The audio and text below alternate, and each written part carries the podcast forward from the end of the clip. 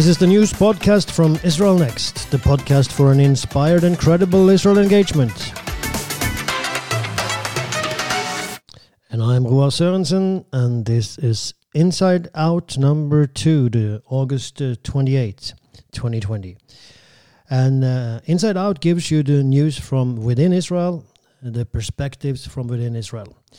This is what uh, we're planning to do also this time. And uh, why do we do it? Because we believe that uh, informed support is what is needed. Israel needs uh, people that can say something good about the, the land, the people, uh, and do so based on information and facts. So uh, we hope that this will help you to do just that. So we go directly to the first topic. And that transition you will hear between every topic. So, the first uh, thing we're going to talk about is the border tension in the north, in the south, and also tension in the center. That's not border tension because there's no border right there. But let's uh, take it step by step. In the north, Hezbollah, this terror organization that is um, in Lebanon, uh, is very dominant in Lebanon, um, is um, has been firing at Israeli soldiers. Uh, and last time it happened this week, uh, they were they were using snipers uh, located in houses in a village just across the border, some 200 meters from the border fence, and uh, were shooting at Israeli soldiers that were mending the fence. Now, the Israeli soldiers know very well that they shouldn't expose themselves uh, to sniper fire, that they shouldn't expose themselves uh, at all and they have clear orders, but there was no choice in this instance uh, because they had to mend the fence in an area that was exposed. So uh, Hezbollah used the opportunity. They missed, um, fortunately, but Israel uh, reacted severely to this uh, because what is happening right now is that Hezbollah is trying to set a new uh, balance of uh, power between these two entities.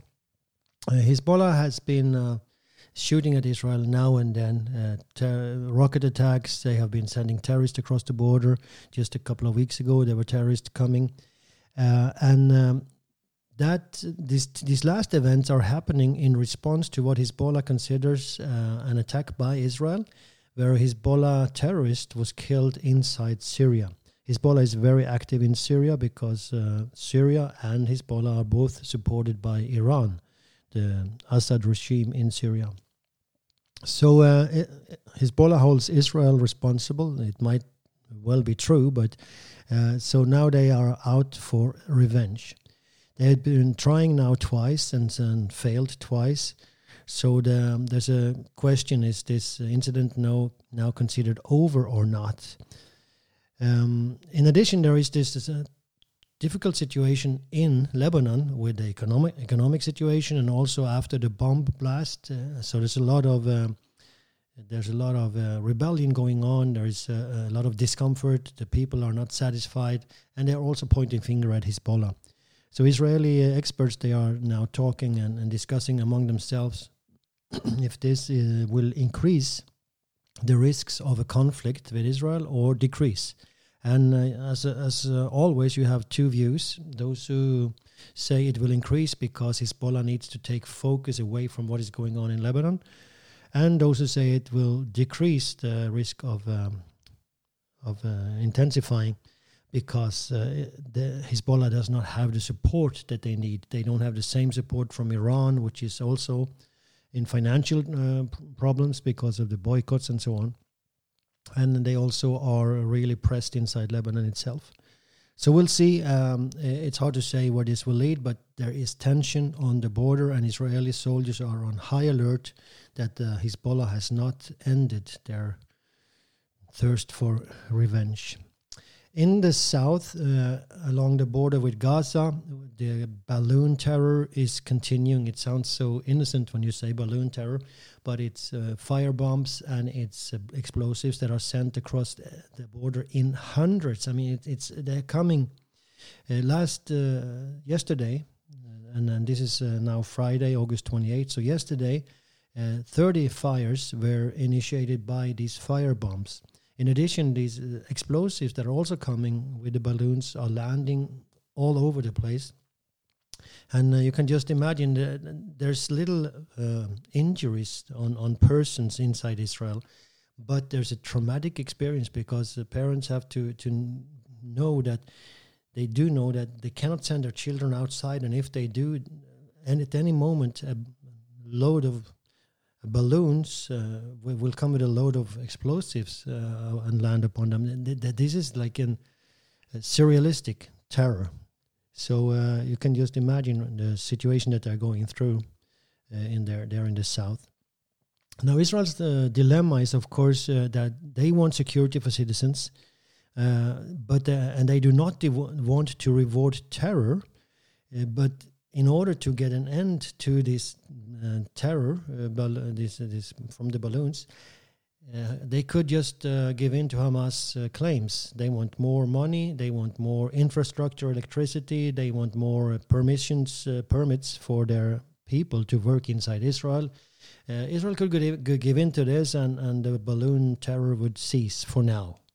And that's the big deal. It would cease for now because, in the long run, if you give in to terror, Uh, you will just get more of it. So but Israel wants to avoid a, a war and a, an intensifying of the conflict because it carries consequences. It has costs. It has costs, first of all, for the Israeli soldiers that need to be in the front line. It has cost also for the civilians in Israel that will be bombarded with rockets, and and uh, people will die. And also, there are costs that Israel is considering much more than Hamas is about the civilians in Gaza uh, the Hamas is, of course, hiding among those civilians. And Israel knows that if they want to end this, because they do have the firepower to end it, but it would lead to a lot of death among civilians. So Israel is trying as far as possible to avoid it. Meanwhile, its own citizens are suffering.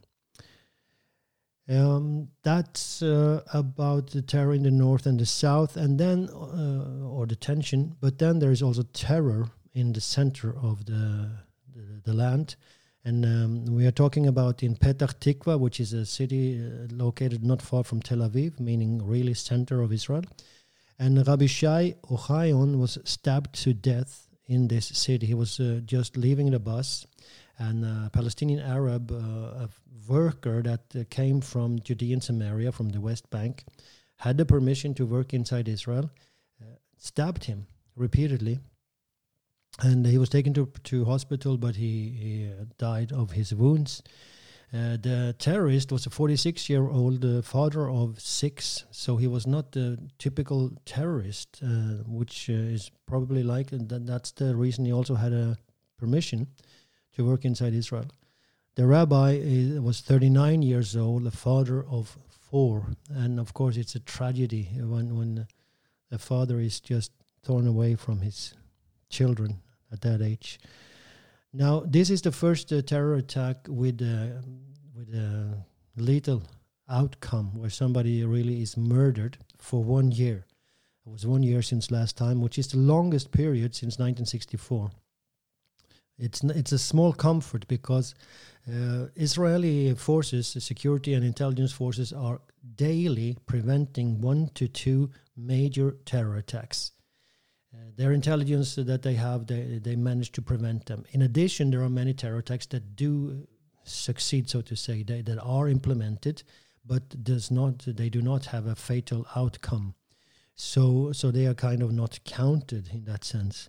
But you thrown stowings and Molotov cocktails and uh, all the things that you can imagine, stabbings and shootings, uh, but th- they do not kill anyone.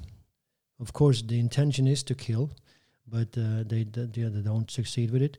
So um, Israel has this huge um, problem with security, and uh, this is the topic. It will be the topic for a later uh, zoom out when we do that, because the question of whether Israel has a security uh, threat or not is what really divides uh, Israel, the view uh, and the way that Israel reacts and politicians that are back in our countries that never consider Israel threatened, and for that reason just condemn her.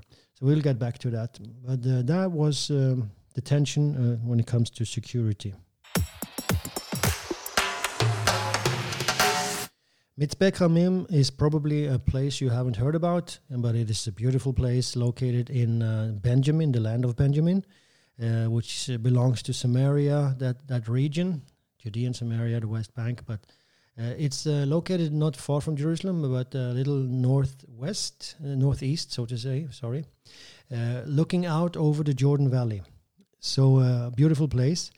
Uh, it was established, uh, I don't have the exact uh, year in my head, but some 20 years ago. And it was established by the government.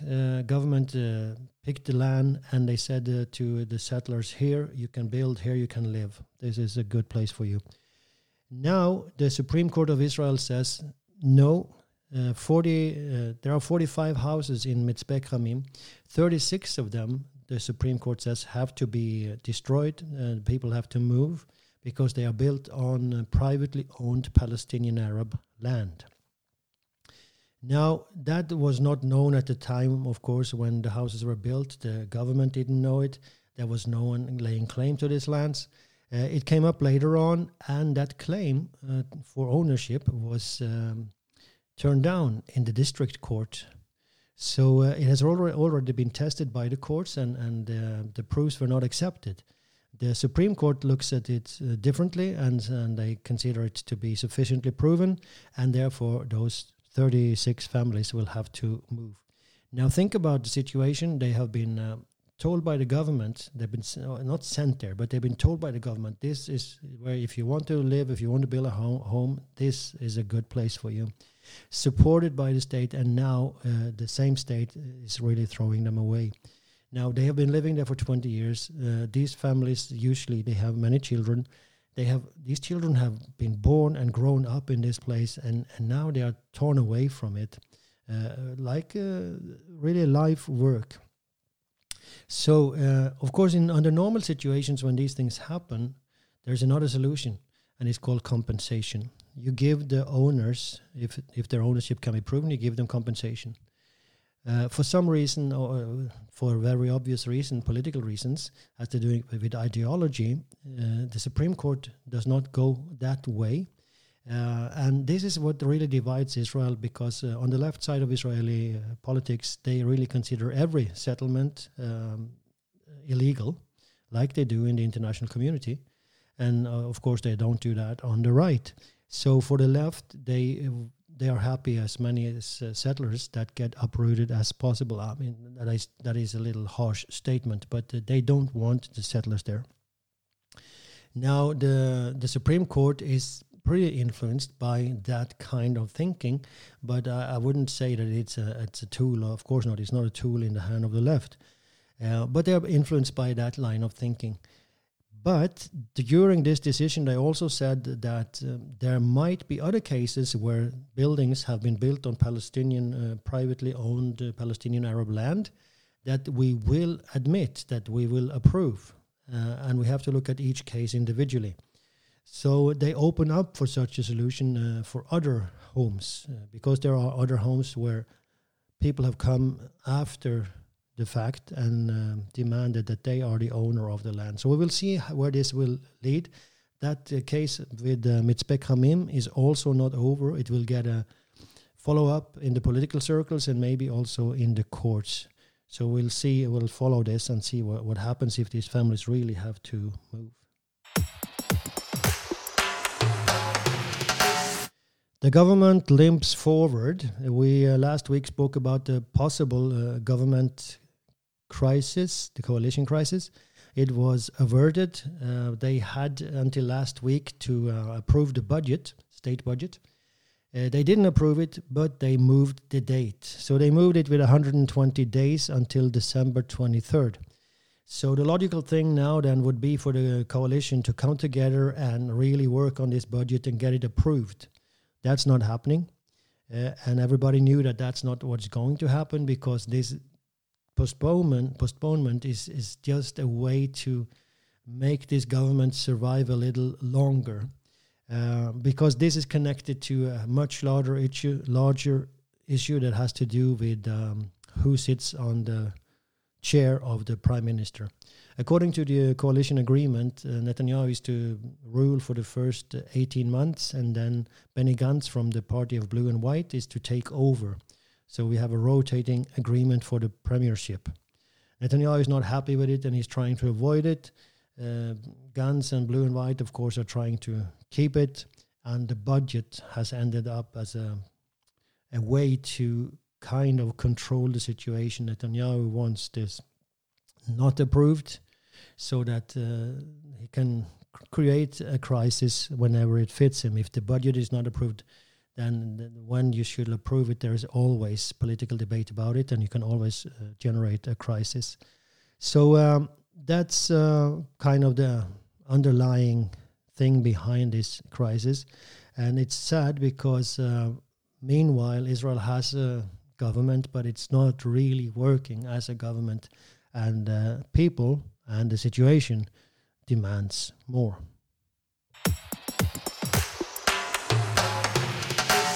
Last thing I want to talk about is a proposal to change the law of return. And uh, I guess most of you would be familiar with this that Israel has a law of return that gives every Jew uh, the right to return home, to, to come and live in Israel. But it's not only every Jew, it's also the grandchildren of a Jew. If you have a Jewish grandfather, grandmother, you are also entitled to make aliyah to, to come and live in Israel, become an Israeli citizen.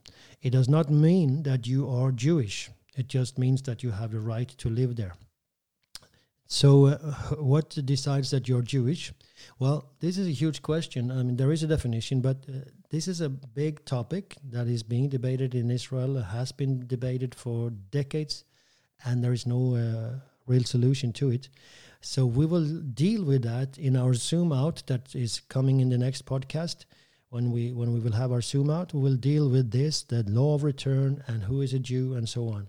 But according to uh, the halacha, which is the Jewish religious law, if your mother is Jewish, you are Jewish. So that means that during the um, aliyot, the immigration waves of immigration that have come, especially from Russia in the 90s, there were many who came who were not Jews. They were either married to Jews or they were the children of one Jewish parent. Uh, if it was not the mother, of course, if, if it was the father, they were not considered Jewish. Uh, and of course, grandchildren as well. So, according to some numbers, as much as 60% of the immigrants from the former Soviet Union that came in the 90s, beginning 2000, were not Jews.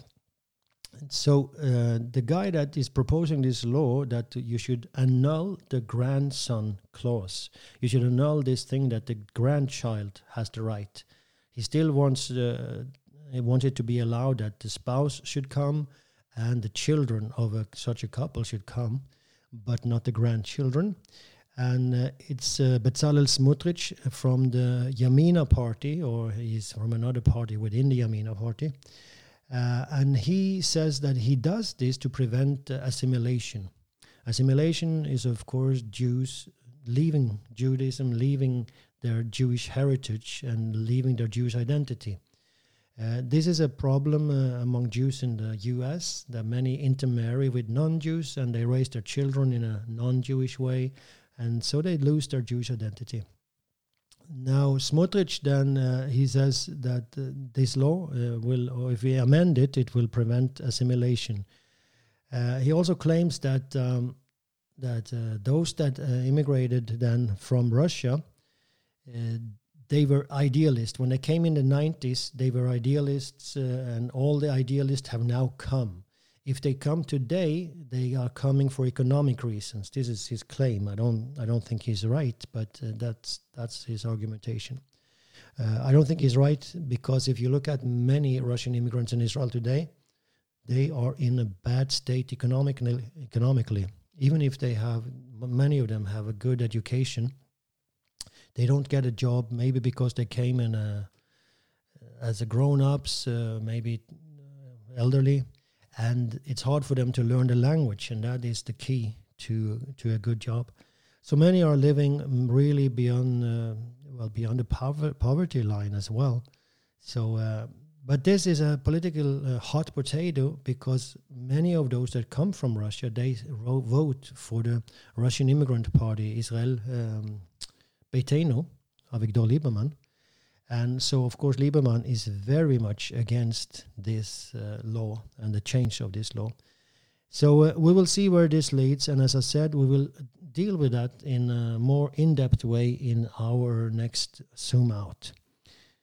So uh, that was basically what I wanted to say today. And um, before I end, I'll just uh, want to uh, tell you that if uh, you find this uh, interesting, if you find this podcast interesting, ah, I did forget one thing.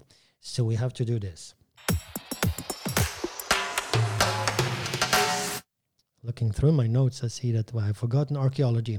So I'll just give you two things when, uh, concerning archaeology.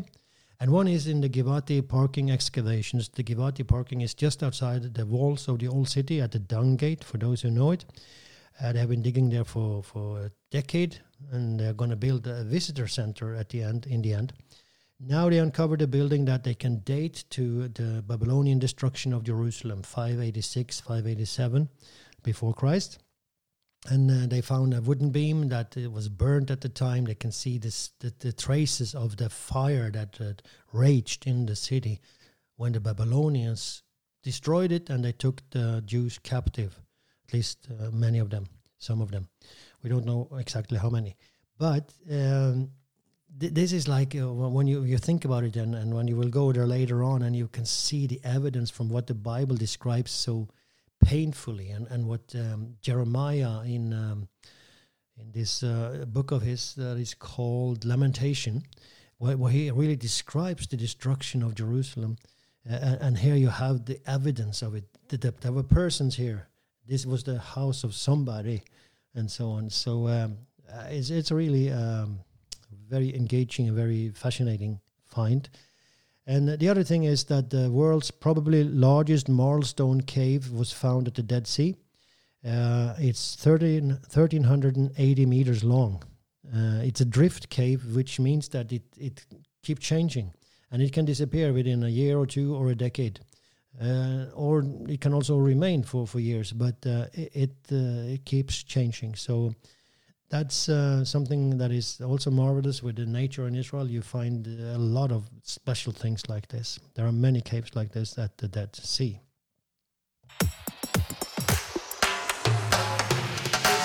So, if you uh, get something out of this uh, podcast, you are welcome to support us. If you have the option and the possibility to give via Vipps, then you can give to the number 57 34 12 57 34 12 if you are not norwegian because that's for norwegians or if you have a norwegian account if you do not have that you can give at our website. You just go to israelnext.com and press give. And we it will be greatly appreciated.